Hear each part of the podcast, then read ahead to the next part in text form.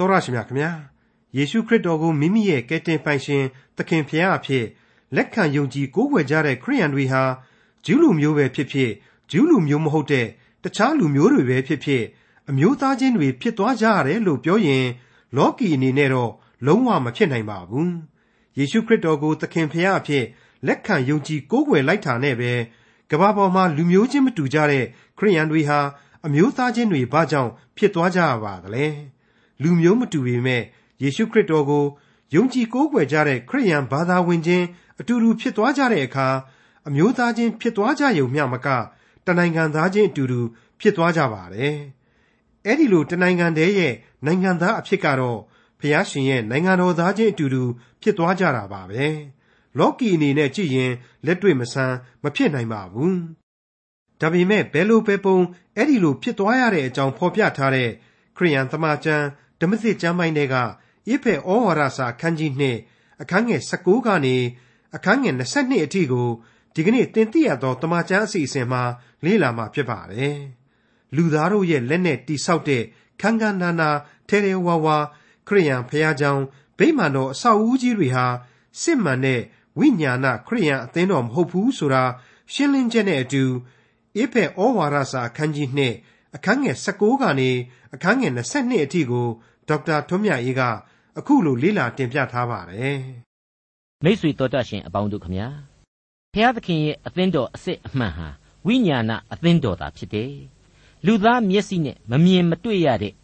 invisible church သာဖြစ်တယ်။လူသားမျက်စိနဲ့မြင်တွေ့နေရတဲ့တဲတော်ဗိမှန်တော်အသင်းတော်အဆောက်အုံတွေတဲ့ဖျားသခင်နှစ်သက်တော်မူသော invisible church သို့မဟုတ်ဝိညာဏအသင်းတော်ဖြစ်ဖို့လိုအပ်တယ်ဆိုတာဒီကိုကျွန်တော်ဖော်ပြခဲ့ပြီးပါပြီ။ ပြီးတော့ဒီအသင်းတော်ကိုဘုရားသခင်ကနေပြီးတော့ဘယ်လိုပြုစုစောင့်ရှောက်တဲ့အကြောင်းကယ်တင်ရှင်သခင်ခရစ်တော်ကနေပြီးတော့ဘယ်လိုအသွေးတော်နဲ့အသေးခံတော်မူပြီးတော့ရွေးနှုတ်ကယ်တင်တော်မူကြောင်းများနဲ့အတူတန်ရှင်သောဝိညာဉ်တော်အဖျင်တစိ့ခတ်နှိပ်ထားတော်မူတယ်။ထာဝရအသက်လမ်းပေါ်ကနေပြီးတော့ကောင်းကင်အမွေကိုဒီအသင်းတော်ဝင်ယုံကြည်သူအပေါင်းတို့ဟာခံစားကြရလိမ့်မယ်ဆရာတွေ့ကိုကျွန်တော်ပြေဝစုံလင်စွာဖော်ပြခဲ့ပြီးပါပြီ။မနေ့ကပြီးခဲ့တဲ့သင်ခန်းစာတွေမှာကြတော့ဘုရားသခင်ဟာအသင်းတော်ကို ဘယ်လိုနီးဘယ်လိုပုံတိဆောက်တယ်လဲဆိုတဲ့ခေါင်းစဉ်ကိုပေးပြီးတော့ကျွန်တော်အကျယ်တွင်ဆက်လက်ဖော်ပြသွားခဲ့ပါသေးတယ်။တနည်းအားဖြင့်ကတော့အသင်းတော်ကိုလူလောကမှာဘုရားသခင်တိဆောက်တာကိုလူသားတွေအုံနှောက်နဲ့လွယ်လင့်တကူနားလည်နိုင်အောင်ဆိုတဲ့သဘောပေါ့။အထူးသဖြင့်ဘုရားသခင်ဟာအရင်ကရွေးကောက်တော်မူသောလူမျိုးတော်နဲ့ဓမ္မသမိုင်းစင်မြင့်ကြီးကိုတိဆောက်ပေးခဲ့တယ်လို့အခုအချိန်မှကျတော့သူ့ရဲ့ရွေးကောက်တော်မူသောနောက်ထပ်တပါးအမျိုးသားများအပါအဝင်အသင်းတော်ကိုတိဆောက်ပေးလိုက်ပြီ အေးဖက်ကယုံကြည်သူတို့အချင်းချင်းရဲ့ကြားမှာအခုဆိုရင်ခရစ်တော်ဟာဂျားကန်နေခြားနာခြင်းတတိုင်းကြီးကိုပြိုကျသွားအောင်ဖြိုပစ်ခဲ့ပြီးပြီအဲ့ဒီအတိုင်းပဲစစ်မှန်သောအသင်းတော်ဆရာဟာလေဖျားသခင်၌သားသမီးများကြီးဖြစ်တယ်ဒါကြောင့်မလို့ခရစ်တော်၌တလုံးတဝတည်းရှိကြဖို့လိုအပ်တယ်ဆိုတဲ့အချက်တွေကိုကျွန်တော်တို့ကိုနှုတ်ကပတ်တော်အားဖြင့်မိမောင်းထိုးသွန်သင်သွားခဲ့ပြီဖြစ်ပါတယ်မိတ်ဆွေအပေါင်းတို့ခမညာ လူသားအပေါင်းတို့ရဲ့ဇာတိပဂရိဟာအလိုအလျောက်ကွဲပြားခြားနားတတ်တဲ့ဇာတိပဂရိဖြစ်တယ်။အမြင်တိုတောင်းတတ်တဲ့ဇာတိပဂရိသဘောထားတွေလူသားတိုင်းလူသားတိုင်းမှာရှိတတ်တယ်။ဒါကြောင့်မလို့လေလူအဖွဲ့အစည်းဆရာဟာကိုယ့်ရဲ့အယူအဆကိုယ့်ရဲ့မာမာနတွေနဲ့ကိုရံဖြစ်เสียမရှိရင်ကြမ်းဖန်ပြီးတော့ရံဖြစ်ကြတယ်။အဆုံးကုံကုံပြောရကြီးဆိုရင်ကိုယ့်လူမျိုးအချင်းချင်းတောင်းမှနေရန်နှစ်ဖက်ချအောင်လုပ်ခဲ့ကြတဲ့အကြောင်းတွေကိုကိုရီးယားတို့ဂျာမနီတို့ကနိုင်ငံရေးဒတိုင်းကြီးတွေခြားနာခြင်းအကြောင်းနဲ့ရှင်းပြီးတော့ ကျွန်တော်ထည့်သွင်းသာရကပြုခဲ့ပြီးဖြစ်ပါတယ်။ကဲဒါတွေကတော့မြင်သာထင်သာဖြစ်နေတဲ့သာရကတွေမှုလို့ဘုရားသခင်ရဲ့နှုတ်ကပတ်တော်ဖော်ပြချက်တွေကိုအထောက်အကူဖြစ်ဖို့ရန်အတွက်သာကျွန်တော်ကထည့်သာပြောရပါတယ်။ကျွန်တော်ရဲ့လက်တွေ့ဝိညာဉ်ရေးသင်ခန်းစာများအတွက်တော့သိတော့ဗราဏမကြဘူးထင်လို့ဒီလောက်နဲ့ပဲကျွန်တော်ရပ်နားလိုက်ပြီးတဲ့နောက်ဝိညာဏအသင်းတော်များဖြစ်ရေးနဲ့သက်ဆိုင်လို့သာလျှင်ဘုရားသခင်သိစေခြင်းတဲ့အချက်တွေးကိုဒီကနေ့ဆက်လက်တင်ပြရတော့မှာဖြစ်ပါတယ် ဒီကနေ့ဖို့စတင်ရမှာကတော့အသင်းတော်ကိုအဘယ်အတိတ်ပဲနှင့်တိဆောက်ထားသနည်းဆိုတဲ့အကြောင်းကိုဖော်ပြနိုင်ဖို့ရန်အတွက်အေဖက်ဩဝါဒစာအခန်းကြီး2အငယ်16နဲ့20ကိုဆက်လက်နားဆွင့်ကြည့်ကြပါအောင်စို့ထို့ကြောင့်သင်တို့သည်တကြွတနိုင်ငံသားမဟုတ်ဧည့်သည်လည်းမဟုတ်တန်ရှင်းသူတို့၏အမျိုးသားချင်းဖြစ်ကြ၏ဖျားသခင်၏အိမ်တော်သားလည်းဖြစ်ကြ၏အဘယ်သို့နည်းဟုမူကားတမန်တော်တို့မှစ၍ပရောဖက်များဒီဟုသောတိုက်မြေအပေါ်၌ သင်တို့သည်ထပ်ဆင့်၍တိဆောက်လျက်ရှိကြ၏မိษွေတော်တတ်ရှင်အပေါင်းတို့ကျွန်တော်ဟာမနေ့ကပြီးခဲ့တဲ့သင်ခန်းစာမှာကိုကိုကိုအားရကျေနပ်ခြင်းမရှိခဲ့ပါဘူးရှင်းပြရတာဟာရှုပ်များရှုပ်နေခဲ့လေသလားအထူးသဖြင့်တပားမျိုးသားတို့ဟာဂျူးတွေလောက်ဘုရားသခင်ကိုမထိတွေ့နိုင်ဘူးဘုရားသခင်ကလည်းဂျူးတွေကိုရွေးကောက်တော်မူသောလူမျိုးဆိုပြီးတော့ခန့်ထားတဲ့အခါကျတော့တပားမျိုးသားတွေကိုကြတော့မရွေးကောက်တဲ့အတွက်ဘုရားသခင်ကိုသူတို့တပားမျိုးသားတွေဟာမသိနားမလဲ မကိုးကွယ်ကြတာတွေနတ်ဖျားတွေကိုသာသိလို့နတ်ဖျားတွေကိုသာကိုးကွယ်ကြတာတွေဘိုးစဉ်ဘောင်ဆက်မိစဉ်ဖဆက်ရိုးရာအစွဲအလန်းရှိတယ်လို့ဘာသာရေးယုံကြည်ချက်တွေဖြစ်ပွားလာခဲ့ကြတာတွေအဲ့ဒီလိုဖြစ်ခဲ့ရတယ်အကုန်လုံးကိုဘုရားသခင်ဟာဖန်ဆင်းတော်မူသောဘုရားသခင်အနေနဲ့သူချစ်တဲ့လူသားအချင်းချင်းအပေါ်မှာမျက်နှာတစ်ဖက်သက်လိုက်ပြီးတော့ကယ်တင်ရှင်ဂျေဇုတော်ကိုတော့သူနီးသူဟန်နဲ့သူပြုတော်မူမှာပဲဒါကိုကျွန်တော်တို့လူအုံနှောက်နဲ့ အလွယ်တကူတွေးတောဆုံးဖြတ်ဖို့မသင့်ဘူးဘုရားသခင်ဟာသူဖန်ဆင်းတဲ့လူတ attva အားလုံးကိုကောင်းကြီးပေးမှာပဲဆိုတဲ့ကို့အတွေးကိုကိုထဲ့လို့သာပြောရတယ်အားရခြင်းမရှိသလိုလိုမကျေနပ်တယ်လို့စိတ်ထဲမှာတော့ဖြစ်ခဲ့ရပါတယ်အခုအချိန်မှာတော့ကိုပြောခဲ့တာတွေဟာဝိညာဉ်တော်သွန်သင်ခြင်းဖြစ်လို့မှန်ကန်နေကျမ်းစာရဲ့စကားလုံးတွေတဲကနေပြီးတော့ဘုရားသခင်ရဲ့မေတ္တာသဘောကိုခံစားရတယ်လို့စိတ်ပိုင်းဖြတ်လိုက်မိပါတယ်မိษွေတို့သေသေးချာချာတွေးကြည့်ပါတကြွန်းတနိုင်ငံသားတဲ့ ဧည့်သည်တဲ့ခရစ်တော်ကိုမယုံကြည်ခင်ကအခြေအနေမှန်ဟာရုပ်လုံးပေါ်နေပြီမဟုတ်ဘူးလားအင်္ဂလိပ်မှာကတော့ strangers တဲ့ပြီးတော့ foreigners သို့မဟုတ် sojourners ဆိုပြီးတော့သုံးထားတယ်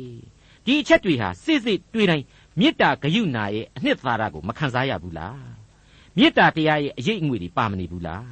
မေတ္တာတော်ကိုဖော်ပြနေတယ်လို့ကျွန်တော်ကတော့ရိုးရိုးကလေးပဲခံစားရတယ်သူဖန်ဆင်းတဲ့ကဘာအရေးရမှာပြန့်နှံ့နေတဲ့လူသားတွေ သူ့အရေးအာဝါသမှာသာတဲခိုနေရတဲ့အာဂန္တုဧည့်သည်လူသားတွေလို့ပဲဘုရားသခင်သုံးဆွဲလိုက်တာဟာမသိမ့်မွေဘူးလားကျင်နာယူရခြင်းအ내အတိတ်ပဲပေါ်လွင်လို့မနေဘူးလားမိတ်ဆွေတော်တတ်ရှင်အပေါင်းတို့ခမညာကျွန်တော်ကတော့အဲ့ဒီအတိုင်းပဲကျွန်တော်ရဲ့စိတ်ဝိညာဉ်မှာခံစားခဲ့ရပါတယ်ကျွန်တော်ခံစားခဲ့ရတဲ့အတိုင်းလေဆုတောင်းပြီးတော့ကြိုးစားပြီးအဖြေရှာမိပါတယ်အခုချိန်မှာတော့ခရစ်တော်အားဖြင့်အဲ့ဒီဧည့်သည်အာဂန္တုတွေမြေကြီးသားတွေဟာ အကုန်လုံးအမျိုးသားချင်းချင်းဖြစ်သွားရပြီတဲ့ဒီမှာကတော့တန်ရှင်းသူတို့ဤအမျိုးသားချင်းဖြစ်သွားပြီလို့ဆိုတယ်တန်ရှင်းသူတို့ဆိုတာဟာ saints ဆိုတဲ့အင်္ဂလိပ်ဝေါ်ဟာရကလာပါတယ်ရှေးကာလကယုံကြည်ခြင်းကြီးမားခဲ့တဲ့ဘုရားသခင်ကိုချစ်သောသားသမီးကြီးတွေကိုကြည့်ပြောချင်တာမဟုတ်ပါဘူးအခုကယ်တင်ရှင်သခင်ခရစ်တော်ကိုယုံကြည်သူပြောင်းလဲလာသူကယ်တင်ရှင်သခင်ခရစ်တော်ကိုချစ်မြတ်နိုးသူသခင်ရဲ့ကယ်တင်ရှင်ကျေးဇူးတော်အရေးကိုခိုးလုံသူတွေအားလုံးကိုခြုံငုံ ဖော်ပြလိုက်ခြင်းပဲဖြစ်ပါတယ်နောက်တစ်ဆင့်ထပ်မံဖော်ပြလိုက်တာကတော့ဘုရားသခင်ဤအိမ်တော်သားလေးဖြစ်ကြ၏တဲ့မိษွေတော်တတ်ရှင်အပေါင်းတို့ကျွန်တော်ကပြောလက်ဆရှိလာတာကိုတော့ပျော့ပြဲပြဲမဖြစ်ချင်ပါဘူးဒါကြောင့်မလို့အထက်ကဖော်ပြခဲ့တဲ့အချက်တွေတဲကအချို့အပိုင်းကလေးတွေကိုဒီနေရာမှာပြန်ပြီးတော့ကိုးကားခြင်းပါတယ်ပြီးခဲ့တဲ့သင်ခန်းစာမှာရှင်းလင်းခဲ့ပြီးသားအပိုင်းကလေးတွေပါပဲအေဖက်ဩဝါဒစာအခန်းကြီး2အငယ်7မှ73ကိုပြန်ပြီးတော့ကြည်ပါထို့ကြောင့် လက်ဖြင့်ကိုကာယ၌ပြုသောဝေါဟာရအယေပြားလှီးခြင်းကိုခံသောသူတို့ခေါ်ဝေါ်သောအဖြစ်အယေပြားလှီးခြင်းကိုမခံသောလူဟု၍ခေါ်ဝေါ်ကြသော သာသနာပလူတို့အထက်၌သင်တို့သည်အထက်ကပဂရိအတိုင်းဖြစ်ကြသည်ကို၎င်းထိုအခါသင်တို့သည်ခရစ်တော်ကိုမသိဣသရေလအပေါင်းအသင်း၌မဝင်ဂရိတော်ပါသောဗြိညင်တရားတို့နှင့်မဆိုင်မျော်လင့်ခြင်းမရှိလောက၌ဖျက်မဲ့နေကြသည်ကို၎င်းအောက်မေ့ကြလော့ သင်တို့သည်အထက်ကဝေးလျက်ရှိတော်လေယခုမှယေရှုခရစ်၌ဖြစ်၍အသွေးတော်အားဖြင့်အနီးသို့ရောက်ကြပြီတဲ့ဇာတိပဂရိသို့မဟုတ်မြေသားရဲ့ဇာတိအတိုင်းအပြည့်ရိပ်မှာပဲရှိခဲ့တယ်ဣသရေလအတိုင်းအဝိုင်းကသိတယ်လို့ဘုရားသခင်ကိုမသိခဲ့ကြဘူးဖျားရှိနေတော်လဲရှိကြောင်းကိုမသိ၍ဖယမဲ့နေခဲ့ကြရတယ်အဲ့ဒီတော့အရင်တုန်းကဘုရားသခင်နဲ့ဝေးနေတာပေါ့အခုတော့ဘုရားသခင်အနာကိုရောက်လာပါပြီတဲ့အဲ့ဒီတော့ အရင်တုန်းကဘုရားသခင်နဲ့ဝေးနေတဲ့လူတွေအခုမှဘုရားသခင်ကိုသိပြီးတော့ဘုရားသခင်အနာကိုရောက်လာနိုင်တယ်လို့ဆိုတဲ့အခါကျတော့အဲ့ဒီလိုဘုရားသခင်ကိုမသိတဲ့လူတွေကဝေးနေတာကိုအသာထားဘုရားသခင်ကိုသိလျက်နဲ့လူတွေဘုရားသခင်နဲ့ဝေးတာကိုဘယ်နဲ့ပြောမလို့ကျွန်တော်ခရစ်တော်ရဲ့ပုံပြင်ဥပမာတော်တွေကပျောက်သောသားအကြောင်းကိုအောက်မေ့စရာကောင်းလာပါလေအနည်းမှရှိနေတဲ့လူတွေဘင်းလျင်အဖေ့မြစ်တာကိုမသိပဲအဝေးကိုထွက်သွားလိုက်တာဟာ ဝေးစွာသောပြီးဆိုတဲ့အလွန်တရာမှောင်မိုက်တဲ့ဒုစရိုက်များလွှမ်းမိုးရာအရက်ကိုရောက်သွားနိုင်တယ်အဲ့ဒီဝေးစွာသောပြီးဆိုတဲ့ရောက်သွားတဲ့သားကိုဘုရားသခင်ကမချစ်ခဲ့ဘူးလားချစ်ခဲ့တာပဲဆိုတာကိုကျွန်တော်တို့အမှတ်ရစေချင်ပါတယ်တနည်းအားဖြင့်သူ့ကိုသိပြီဖြစ်စေသူ့ကိုကြောခိုင်းထွက်ခွာသွားသည်ဖြစ်စေမသိ၍သူ့ကိုမကိုးကွယ်သူပင်ဖြစ်စေဖျားသခင်ဟာဖန်ဆင်းတော်မူသောလူသားတိုင်းကိုသူချစ်တယ်အခုကျတော့ ဖျားသခင်ဤအိမ်တော်သားအဖြစ်ပင်ဖြင့်ဝေးစွာသောပြည်မှသူ့စီကိုပြန်လဲဆွဲယူလိုက်ပြီကောင်းကင်အမွေကိုခံရမဲ့သူတွေထာဝရအသက်ကိုဆက်ဆက်ရရှိမဲ့လူတွေအဲ့ဒီလိုအခြေအနေဟာပြောင်းလဲသွားပြီဒါဟာလူသစ်ဖြစ်သောအသင်းတော်ရဲ့အခွင့်အရေးပဲတခါထပ်ပြီးတော့ဆက်လက်ဖော်ပြလိုက်ပြန်တာကတော့ဘုရားသခင်အိမ်တော်သားတွေဟာဘယ်လိုနည်းနဲ့ဘုရားသခင်အိမ်တော်သားဖြစ်လာကြသလဲဆိုတော့တမန်တော်တို့မှစ၍ပရောဖက်များဒီဟုသောတိုက်မြစ်အပေါ်၌ သင်တို့သည်ထက်ဆင့်၍တိဆောက်လျက်ရှိကြ၏တဲ့ပို့ပြီးတော့တောင်ရှင်းသွားပြန်ပါပြီတိဓမ္မဟောင်းကာလသမိုင်းမှာရွေးကောက်တော်မူသောလူမျိုးတော်ကိုအခြေခံပြီးတော့ဓမ္မသမိုင်းကိုတိဆောက်ခဲ့တယ်နှုတ်ကပတ်တော်ကိုခြားထားပေးခဲ့တယ်ဒါဟာအမှန်တရားဒါပေမဲ့ဒီနှုတ်ကပတ်တော်ဟာလူမျိုးရေးခွဲခြားတဲ့တရားလားဆိုတော့ရှင်းမဟုတ်ဘူးအဲ့ဒီနှုတ်ကပတ်တော်အဖြစ်လူမျိုးတစ်မျိုးကိုမူတည်ပြီးတော့တကြွတနိုင်ငံသားတွေ ဧည့်သည်တွေကိုသူ့စီကိုရောက်လာဖို့ဝိညာဉ်တော်ဟာစီမံဆောင်ရွက်လာခဲ့တယ်ဆိုတာကိုမြင်ရပြီဟုတ်ပါတယ်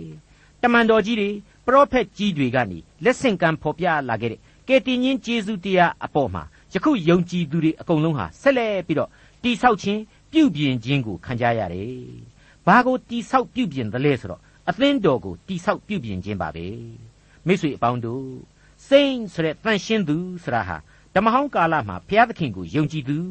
ပြည့်ညတ်တော်တို့ကိုလိုက်လျှောက်သူလို့အကြံပြင်းကျွန်တော်တို့ပြောလို့ရပါတယ်သတ်မှတ်လို့ရပါတယ်အခုဓမ္မသစ်ကာလအချိန်မှာကျတော့ခရစ်တော်၌အကျွင့်မဲ့ယုံကြည်သူကယ်တင်ရှင်တရားကိုခံယူသူပဲဒီအချက်ကိုစောစောကကျွန်တော်ဖော်ပြခဲ့ပြီးပါပြီအဲ့ဒီလိုတန်ရှင်းသူဆိုတဲ့အဆင့်ကိုကိုယ့်ဖာသာကိုသတ်မှတ်လို့ရနိုင်ပါသလားမရနိုင်ပါဘူးနှုတ်ကပတ်တော်အသက်လမ်းပေါ်မှာဘလောက်အထိကိုဟာအမြင့်ဆွေးမြေတယ်ခိုင်ခန့်မြဲမြံစွာယက်တည်နေတယ်ဝိညာဏအသင်းတော်မှာ ဘလောက်အထိဝိညာဉ်ခွန်အားကြီးမားတယ်ဆိုတာနဲ့သာလျှင်ဖျားသခင်စံသတ်မှတ်ရွေးချယ်သွားလိမ့်မယ်လို့ကျွန်တော်ယုံကြည်မိပါတယ်အေဖဲဩဝါဒစာအခန်းကြီး2အငယ်27ထိုတိုက်တောင်အမြင့်ကြောက်ကယေရှုခရစ်ဖြစ်သည်ထိုကြောက်နှင့်ဒရိုက်လုံးသည်စိတ်ဆက်၍ကြီးပွားသဖြင့်သခင်ဖျားအဖို့အလို့ငှာတန်ရှင်းသောဗိမှန်တော်ဖြစ်၏ရှင်းနေပါတယ်နော်တန်ရှင်းသောဗိမှန်တော်ဖြစ်တယ်တဲ့ဘုရားသခင်ကျင့်ဝတ်ရာအရာဖြစ်တယ်တဲ့ဒီတော့ဒါဟာ ကျွန်တော်အထက်ထပ်ပြောနေတဲ့စစ်မှန်သောအသင်းတော်ပဲဒီအသင်းတော်ဟာလူသားရဲ့သာမန်မျက်စိနဲ့မြင်လို့မရဘူးဝိညာဏအသင်းတော်ဖြစ်တယ် invisible church ဖြစ်တယ်လူသစ်ဆိုပြီးတော့လေလူနဲ့နှိုင်းရှင်ဥပမာပေးမယ်ဆိုရင်ဥကောင်းဖြစ်သောခရစ်တော်၌တည်ရှိသည့်ခန္ဓာတော်ပဲဖြစ်တယ်အဆောက်အအုံတစ်ခုနဲ့နှိုင်းရှင်လိုက်တဲ့အခါမှာတော့အုံမြင့်ဖြစ်သောခရစ်တော်၌တည်ဆောက်သောဗိမာန်တော်အဆောက်အအုံပဲဘလောက်တဘာဝကြတယ်လေပြည်ပြည်ပြင်းရှိတယ်လေ ကောရိန္သုဩဝါဒစာပထမစာဆောင်အခန်းကြီး3အငယ်7မှာဖော်ပြထားတဲ့အချက်တခုရှိပါတယ်ယေရှုခရစ်ဒီဟုသောချလျက်ရှိသောတိုက်မြစ်မှတပါအခြားသောတိုက်မြစ်ကိုအဘယ်သူမျှမချနိုင်တဲ့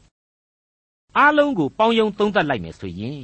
အခုအေဖက်ဩဝါဒစာဖော်ပြချက်တွေဟာဓမ္မဟောင်းဓမ္မသစ်ခေတ်နှစ်ခုစလုံးမှာအပြိုင်တည်ရှိခဲ့တဲ့ကယ်တင်ခြင်းအသက်လမ်းကိုဖြောင့်တန်းစွာဆက်ဆက်ပေးလျက်ရှိနေပါတယ်။တစ်ချိန်တည်းမှာပဲအခုမှဣသရေလလူမျိုးတော်ကိုးကွယ်တဲ့ဘုရားသခင်ဟာ အနန္တတကုရှင်ဘုရားသခင်ဖြစ်တော်မူတယ်ဆိုတာကိုသိလာတဲ့တခြားတိုင်းတစ်ပါးသားတွေဘုရားသခင်ဖြစ်တော်မူတယ်ဆိုတာကိုနားလည်ခံယူလာကြတဲ့တိုင်းတစ်ပါးအမျိုးသားများအားလုံးတို့ကိုနားလည်လွယ်ကူအောင်တမန်တော်ကြီးကနေအကိုအကအမြောက်များစွာနဲ့ဆုံးမဩဝါဒပြုနေတယ်ဆိုတာကိုကျွန်တော်တို့တွေ့နိုင်ပါတယ်မိษွေတော်တတ်ရှင်အပေါင်းတို့ခမညာအဲ့ဒီအသင်းတော်အဲ့ဒီအုံမြေအဲ့ဒီကြောက်ရဲ့သဘောတရားနဲ့ပတ်သက်ပြီးတော့ရှင်ပေတရုဩဝါဒစာပထမစာဆောင်အခန်းကြီး1 အငယ်6ကနေ8အတွင်းကအချက်တွေးကိုကျွန်တော်ပြန်လည်ပြီးတော့ဖော်ပြပေးခြင်းပါတယ်အသင်းတော်နဲ့ပတ်သက်ပြီးတော့တမန်တော်ကြီးဘယ်လိုသိစေခြင်းတလဲဆိုတဲ့အချက်တွေကိုရှင်ပေတရုကနေပြီးတော့ဆက်လက်ပြီးတော့ရှင်းလင်းဖွင့်ဆိုပြခြင်းလို့ကျွန်တော်ဒီနေရာမှာခံယူမိလို့ပါထို့သောနှင့်အညီကျမ်းစာလာသည်ကရွေးချယ်သောတိုက်တောင့်အမြင့်ကြောက်မြတ်ကိုဇီးအောင်တောင်ပေါ်မှငါချထား၏ထိုကြောက်ကိုအမိပြုသောသူသည်ရှက်ကြောက်ခြင်းမရှိနိုင်ရဟုလာသည် တို့ဖြစ်၍ယုံကြည်ခြင်းရှိသောသင်တို့၌ကဘုံအထည်ရှိနားမထောင်သောသူတို့၌ကတိုက်ကိုတီလုသောသူများပယ်ထားသောကြောက်သည်နောက်တဖန်တိုက်တောင့်အထွတ်အပြားသို့ရောက်ပြန်၏နားမထောင်ဘဲနှုတ်ကပတ်တရားတော်ကိုထိမိ၍လဲသောသူတို့သည်ထိမိ၍လဲเสียကြောက်မှားယွင်းเสียကြောက်လည်းဖြစ်၏ထိုအမှုနှင့်တွေ့စေခြင်းဟာထိုသူတို့ကိုခံထားတော်မူသည်မိษွေတော်တတ်ရှင်အပေါင်းတို့ခမညာ ကျေးဇူးတော်ကိုကျေးဇူးတော်အဖြစ်သာခံယူနိုင်ကြပါစေအသက်လမ်းကိုအသက်လမ်းအဖြစ်ဖြောင့်တန်းစွာနားလည်နိုင်ကြပါစေအစဉ်သဖြင့်သခင်နှင့်အသက်ရှင်နိုင်ကြပါစေလို့ကျွန်တော်တို့လေးနဲ့စွာဆုတောင်းမေတ္တာပို့သလျက်ရှိနေပါတယ်အေဖက်ဩဝါဒစာအခန်းကြီး2အငယ်22ထိုဗိမှန်တော်၌လေဘုရားသခင်သည်ဝိညာဉ်တော်အားဖြင့်ကျင့်ဝတ်တော်မူခြင်းအလို့ငှာသင်တို့သည်ငါတို့နှင့်အတူတည်ဆောက်လျက်ရှိကြ၏ ဘုရားသခင်ရဲ့ကျင့်ဝတ်တော်မူခြင်းဆိုတာဟာနော်ဘုရားသခင်ကအသင်းတော်တွေကိုလာပြီးတော့ပက်လက်ကလိုင်လေးတစ်လုံးနဲ့ထိုင်နေတာကိုပြောတာမဟုတ်ဘူးဘုရားသခင်ရဲ့တန်ရှင်းသောဝိညာဉ်တော်ကျင့်ဝတ်တော်မူခြင်းကိုဆိုလိုခြင်းပဲဒီတော့ကျွန်တော်တို့တူးချင်းနားလည်ထားဖို့ကကိုဟာကိုယ်တိုင်ခရစ်တော်၌အမြင့်တည်သောအသင်းတော်မှာပါဝင်တဲ့ဝိညာဏအသင်းသားဖြစ်တယ်ခရစ်တော်အဖင်တန်ရှင်းသောဗိမာန်တော်ဖြစ်တယ်လို့ခံယူမယ်ဆိုရင်ကိုယ်စီမှာလည်းခရစ်တော်ရဲ့ဝိညာဉ်တော်ဟာကျင့်ဝတ်နေလိမ့်မယ် ဖျားသခင်ကိုနဲ့အတူအစင်မပြတ်ရှိနေမယ်ဆိုတာကိုရှင်းလင်းစွာသဘောပေါက်ထားဖို့လိုအပ်လာပါတယ်ဒါပေမဲ့အပယိကတီရှိခြင်းအစင်မဟုတ်ရပါဘူးအထက်မှာတော့ကစိတ်ဆက်စွာတီရှိရမယ်ကြီးပွားခြင်းလည်းရှိရမယ်လို့ဆိုထားခဲ့ပြီးပါပြီရှင်ပေတရုဩဝါဒစာပထမစာဆောင်မှာအခုလိုကျွန်တော်တို့တွေ့နိုင်ပါသေးတယ်ရှင်ပေတရုဩဝါဒစာပထမစာဆောင်အခန်းကြီး2အငယ်1မှ9ထို့ကြောင့်သင်တို့သည်သခင်ဖျား၏ကျေးဇူးတော်ကိုမြည်ဆန်းကြသည်ဖြစ်၍ အမျိုးမျိုးသောမနာလိုခြင်းလှည့်ပြားခြင်းလျှို့ဝှက်ခြင်းညူစုခြင်းကဲ့ရဲ့ခြင်းရှိသမျှကိုပယ်ရှား၍ကဲတင်ခြင်းအလိုငှာနှုတ်ကပတ်တရားဤနို့စစ်အဖျင်ကြီးပွားမိအကြောင်းဖွားစသောသူငယ်ကဲ့သို့ထိုတရနို့ကိုအလွန်လိုချင်သောစိတ်ရှိကြလော့လူတို့ပယ်ထား၍ဘုရားသခင်ရွေးချယ်တော်မူသောအသက်ကြောက်မြတ်ကြီးဟုသောထိုသခင်ထံသို့သင်တို့သည်ရောက်၍အသက်ကြောက်များကဲ့သို့အဆင့်ဆင့်အထက်ထက်တိဆောက်လျက်ရှိသဖြင့်ဓမ္မတိုက်ဖြစ်ကြ၏ ယေရှုခရစ်အားဖြင့်ဘုရားသခင်နှစ်သက်တော်မူရာဓမ္မရစ်ကိုပူဇော်ရသောတန်ရှင်းသောရစ်ပရောဟိတ်မျိုးလည်းဖြစ်ကြ၏တောတာရှင်အပေါင်းတို့ခမညာဖွားစသူငယ်ကဲ့သို့တရားနို့ကိုတောင့်တရမယ်ဆိုတာဟာဆက်လက်ကြီးပွားဖို့အတွက်ဝိညာဉ်အာဟာရကိုခံယူရလိမ့်မယ်နှုတ်ကပတ်တော်ကိုစ조사ပန်းစားလေ့ကျက်ရလိမ့်မယ်လိုက်နာရမယ်ဆိုတဲ့အချက်တွေကိုထင်ရှားစေပါတယ်ကျွန်တော်တခါပြောခဲ့ဘူးတာကိုမိတ်ဆွေတို့မှတ်မိကြအောင်မလားတော့မသိဘူး လူကောင်ကသာအကြီးကြီးအသက်ပဲ30နားနီးနေပြီထမင်းဝိုင်းမှာဆူတောင်းခိုင်းလိုက်တိုင်းပဲကိုတော်ချပေးအစာကျွေးကျေးဇူးကြီးလှအိုအဖာအာမင်ဆိုတာကမတက်တဲ့လူမျိုးဓမ္မသချင်းတပုတ်လောက်ဆိုပြစမ်းကွာဆိုပြန်တော့လေလက်ကလေးပိုက်ပြီးတော့ယေရှုငါကိုချစ်ပေဤကနေမတက်တဲ့ကလေးစိုးကြီးမျိုးလိုမဖြစ်ဖို့အတွက်လူသားဟာယုံကြည်ခြင်းအရာမှာကြီးပွားတိုးတက်ဖို့လိုတယ်ကလေးကလာဖြစ်မနေရဘူးကြီးပွားခြင်းရှိဖို့အထူးပဲလိုအပ်တယ်ခရစ်တော်ဒီဟုသောအသင်းတော်မှာ စိတ်ဆက်မြဲမြံစွာတည်မီနေဖို့လိုတယ်တိုးတက်ခြင်းရှိရမယ်ဆိုတာတွေကိုကျွန်တော်နားလည်ထားကြပြီးသားပါမိษွေတော်တတ်ရှင်အပေါင်းတို့ခမညာခရစ်တော်ဒီဟုသောတိုက်တောင့်ကြောက်အမြင့်နဲ့တိဆောက်တဲ့အသင်းတော်အဲ့ဒီအသင်းတော်နဲ့ကိုယ်တိုင်ပါဝင်စိတ်ဆက်နေတဲ့လူတစ်ယောက်ရဲ့ဘဝဟာကျွန်တော်ဘယ်လို့မှနှုတ်နဲ့ဖော်ပြလို့မရနိုင်လောက်အောင်ဘုန်းတော်ကိုခံယူရတဲ့ဘဝဝိညာဉ်ခွန်အားနဲ့ပြည့်စုံတဲ့ဘဝအနန္တဘုရားသခင်နဲ့သာလုံလုံလျားလျားသက်ဆိုင်သွားရတဲ့ဘဝဆိုတာကိုကျွန်တော်တင်ပြခြင်းပါတယ် ခရစ်တော်ဒီဟုသောဥကောင်းရဲ့အောက်ကခရစ်တော်ဤခန္ဓာတော်ဖြစ်တဲ့အသင်းတော်မှာပါဝင်နေရတဲ့လူသေးဆိုတဲ့ဘဝဟာလေဒီအတိုင်းပဲဆိုတာကိုအေဖက်ဩဝါဒစာအခန်းကြီး2ဟာကျွန်တော်တို့ကိုကောင်းစွာလမ်းညွှန်ပေးခဲ့ပြီလို့ကျွန်တော်ယူဆမိပါတယ်ဒီလမ်းညွှန်ချက်အတိုင်းလေယုံကြည်သူအသင်းတော်ဝင်အသင်းတော်သူသားအပေါင်းတို့ဟာဖျားသခင်၌ယုံကြည်ခြင်းကြီးရင်နိုင်ကြပါစေခိုင်ကန့်မြဲမြံနိုင်ကြပါစေကြီးပွားတိုးတက်နိုင်ကြပါစေလို့ဆုတောင်းမေတ္တာပို့သလိုက်ပါတယ် ဒီနေရာမှာတော့ကောရိန္သုဩဝါဒစာပထမစာဆောင်အခန်းကြီး7အငယ်7ကနေ18အတွင်းမှာအဲ့ဒီလူသစ်ဘဝသို့ရောက်ရှိသောဝိညာဏလူသားဆိုတာဟာဘယ်လိုဘယ်လိုဘုရားသခင်၌တလုံးတဝတည်တည်ရှိတည်မီနေရတယ်ဆိုတာကိုအမှတ်ရအောင်ကျွန်တော်ဒီနေရာမှာတစ်ခေါက်ပြန်ဖတ်ပြခြင်းပါတယ်ဥပမာကကိုတစ်ခုဒီ၌အင်္ဂါအများရှိသည်ဖြစ်၍ထိုတစ်ခုဒီသောကိုဤအင်္ဂါအပေါင်းတို့သည်များလျက်နှင့်ကိုတစ်ခုဒီဖြစ်တဲ့ကဲ့သို့ထိုနည်းတူခရစ်တော်ဖြစ်၏အကြောင်းမူကား ယုဒလူဖြစ်စေဟေလသလူဖြစ်စေကျွန်ဖြစ်စေလူလွတ်ဖြစ်စေငါတို့ရှိသမျှသည်ဝိညာဉ်တော်တပါးသည်အားဖြင့်တကိုယ်ဒီကဲ့သို့ဗတ္တိဇံကိုခံကြ၏ငါတို့ရှိသမျှသည်တစိတ်တဝိညာဉ်တည်းသို့လေတောက်ကြ၏ကိုသည်အင်္ဂါတစ်ခုဒီရှိသည်မဟုတ်အများရှိသည်ဖြစ်၍ခြေကငါသည်လက်မဟုတ်သောကြောင့်ကိုနှင့်မဆက်ဆိုင်ဟုဆိုလျင်ထိုသို့ဆိုသောကြောင့်မဆက်ဆိုင်သည်မှန်သလော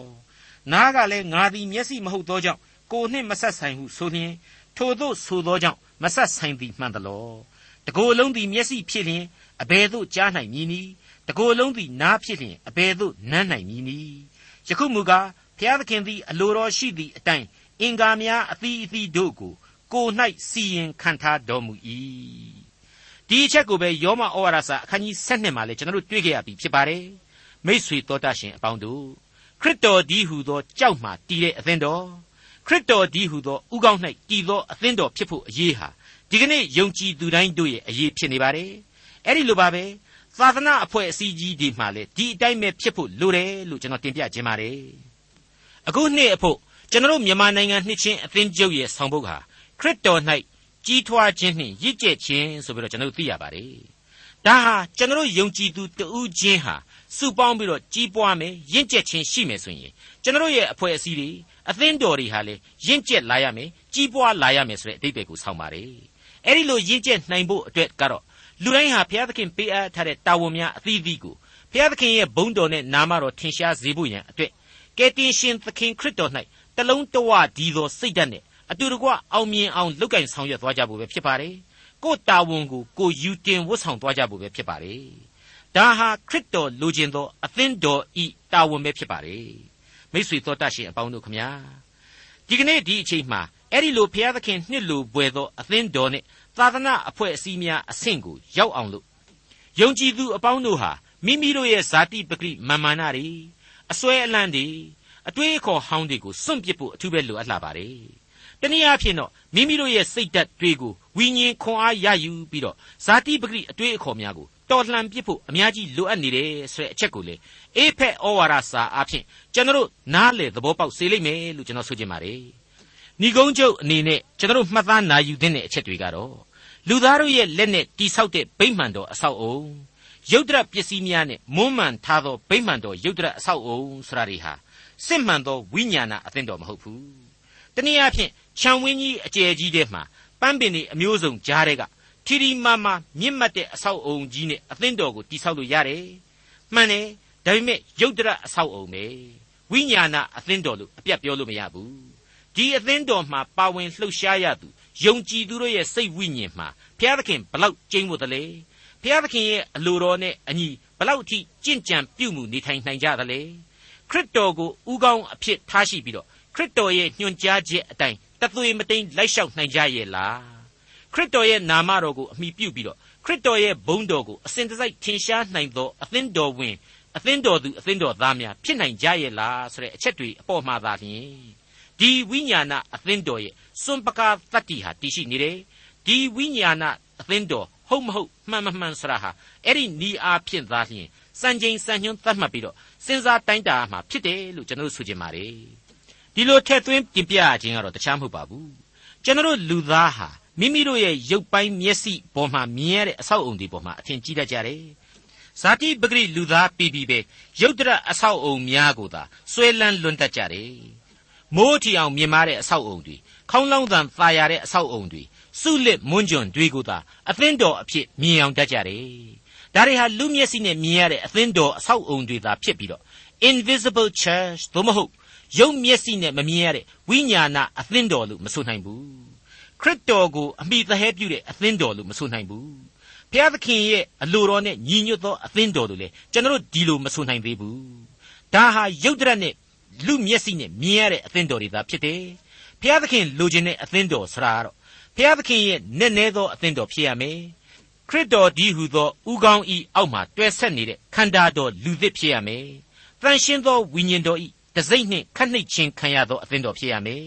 ဒီအသင်းတော်ဟာလေဘုရားသခင်ရဲ့ကောင်းကင်နိုင်ငံတော်အမွေနဲ့ထာဝရအသက်လမ်းကိုမုတ်ချတက်လှမ်းမှာသာဖြစ်တယ်ဆိုတာဒီကိုကျွန်တော်သိနာလေလာပါတယ်အခုအေဖက်ဩဝါဒစာခန်းကြီး2အငယ်1ကနေ30အတွင်းမှာဆိုရင်ဒီအချက်တွေကိုကျွန်တော်ရှင်းလင်းစွာတွေ့ကြရပြီးပါပြီ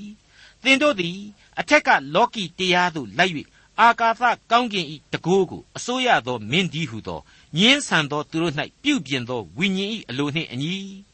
ဒုစရိုက်အပြစ်တို့၌ကျင်လည်ကြ၍ထိုဒုစရိုက်အပြစ်၌သေလျက်ရှိနေသောသင်တို့ကိုပင်ဖျားသခင်သည်အသက်ရှင်စေတော်မူပြီ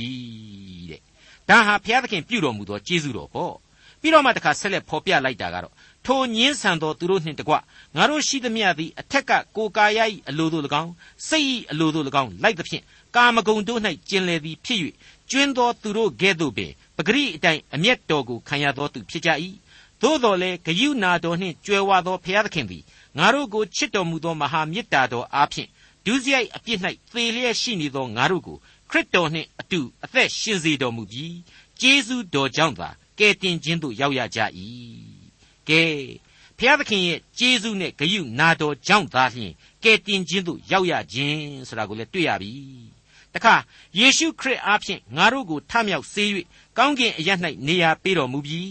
အကြောင်းမူကားထိုသခင်အားဖြင့်ငါတို့၌ကျေးဇူးပြု၍ကျေးဇူးတော်၏အလွန်ကြွယ်ဝခြင်းကိုနောင်ကပ်ကာလတို့၌ထင်ရှားစေမည်အကြောင်းဖြစ်သည်ယုံကြည်သောအားဖြင့်ကျေးဇူးတော်ကြောင့်သာကယ်တင်ခြင်းသို့ရောက်ရ၏ကိုအလိုလျောက်ရောက်သည်မဟုတ်ဖျားသခင်သည်တနာတော်မူရာဖြစ်သည်ကိုကုသိုလ်ကြောင့်ကယ်တင်တော်မူခြင်းသို့ရောက်သည်မဟုတ်တို့ဖြစ်၍အဘယ်သူမျှဝါကြွားเสียအခွင့်မရှိအဘယ်ကြောင့်နည်းဟုမူကားငါတို့သည်ကောင်းသောအကျင့်တို့ကိုကျင့်ရမည်အကြောင်း ယေရှုခရစ်၌ပြုပြင်၍ဖန်ဆင်းတော်မူရာဖြစ်ကြ၏ထိုကောင်းသောအကျင့်တို့၌ငါတို့သည်ကျင်လည်ရမည်အကြောင်းဖျားသခင်သည်ငါတို့ကိုပြင်ဆင်တော်မူနှင့်ပြီတနည်းအားဖြင့်ကတော့ကယ်တင်ရှင်သခင်ခရစ်တော်အားဖြင့်ကျေးဇူးနဲ့ဂရုနာတော်ကိုခံစားရတယ်ဒီအခါမှာတော့ကျေးဇူးနဲ့ဂရုနာတော်ကိုခံစားရတဲ့ယုံကြည်သူအသင်းတော်ဟာအလိုတော်အတိုင်းကောင်းသောအကျင့်တို့ကိုကျင့်ရပါလိမ့်မယ်မိษွေတော်တတ်ရှင်အပေါင်းတို့ခမညာ ဒီကနေ့အဖို့ကြားနာခဲ့ရတဲ့အေဖက်ဩဝါဒစာအခန်းကြီး2အငယ်16ကနေအငယ်22ဏိဂုံးကိုကျွန်တော်တကြောပြန်ပြန်ဖတ်ပြပါရစေထို့ကြောင့်သင်တို့သည်တကြွတနိုင်ငံသားမဟုတ်ဧည့်သည်လည်းမဟုတ်တန်ရှင်းသူတို့၏အမျိုးသားချင်းဖြစ်ကြ၏ဖျားသခင်၏အိမ်တော်သားလည်းဖြစ်ကြ၏အဘယ်သို့နည်းဟုမူကားတမန်တော်တို့မှစ၍ပရောဖက်များဒီဟုသောတိုက်မြစ်အပေါ်၌သင်တို့သည်ထပ်ဆင့်၍တိဆောက်လျက်ရှိကြ၏ထိုတိုက်တောင်အမြင့်ကြောက်က ယေရှုခရစ်ဖြစ်သည်ထိုကြောက်နှင့်ဒရိုက်လုံးသည်စိတ်ဆက်၍ကြီးပွားသဖြင့်သခင်ဖျားအဖို့အလွန်ငှာတန်ရှင်းသောဗိမာန်တော်ဖြစ်၏ထိုဗိမာန်တော်၌လေဖျားသခင်သည်ဝိညာဉ်တော်အားဖြင့်ကျင့်ဝတ်တော်မူခြင်းအလိုငှာသင်တို့သည်ငါတို့နှင့်အတူတည်ဆောက်လျက်ရှိကြ၏တဲ့သင်သိရသောတမန်ကျမ်းရဲ့မိတ်ဆွေတော်တတ်ရှင်အပေါင်းတို့ခမညာပြုတော်မူသောကျေးဇူးတော်အပေါင်းတို့ဟာရေတွက်လို့မကုန်နိုင်ပါဘူး ဘုံတကောအာနုဘော်တော်ဆိုတာလေထောမနာပြုလို့ကုန်နိုင်ပွဲမရှိပါဘူးဒီကျေးဇူးတော်အပေါင်းတို့ကိုခံယူပြီးသကလားခရစ်တော်၌ဘုရားသခင်၏ဘုန်းတော်ကိုထင်ရှားစေဖို့ယံအသင်းတော်ကိုပါဝင်တည်ဆောက်ကြပါစို့ယုံကြည်ခြင်းတရားကိုကျင့်ဆောက်ကြပါစို့ဒေါက်တာထွန်းမြတ်အေးစီစဉ်တင်ဆက်တဲ့တင်ပြတော်တမချန်းအစီအစဉ်ဖြစ်ပါတယ်နောက်တစ်ချိန်အစီအစဉ်မှာခရိယန်တမချန်းဓမ္မသစ်ကျမ်းပိုင်းတွေကအေဖက်ဩဝါဒစာအခန်းကြီး3 အခန်းငယ်1ကနေအခန်းငယ်4အထိကိုလေ့လာမှာဖြစ်တဲ့အတွက်စောင့်မျှော်နားဆင်နိုင်ပါတယ်။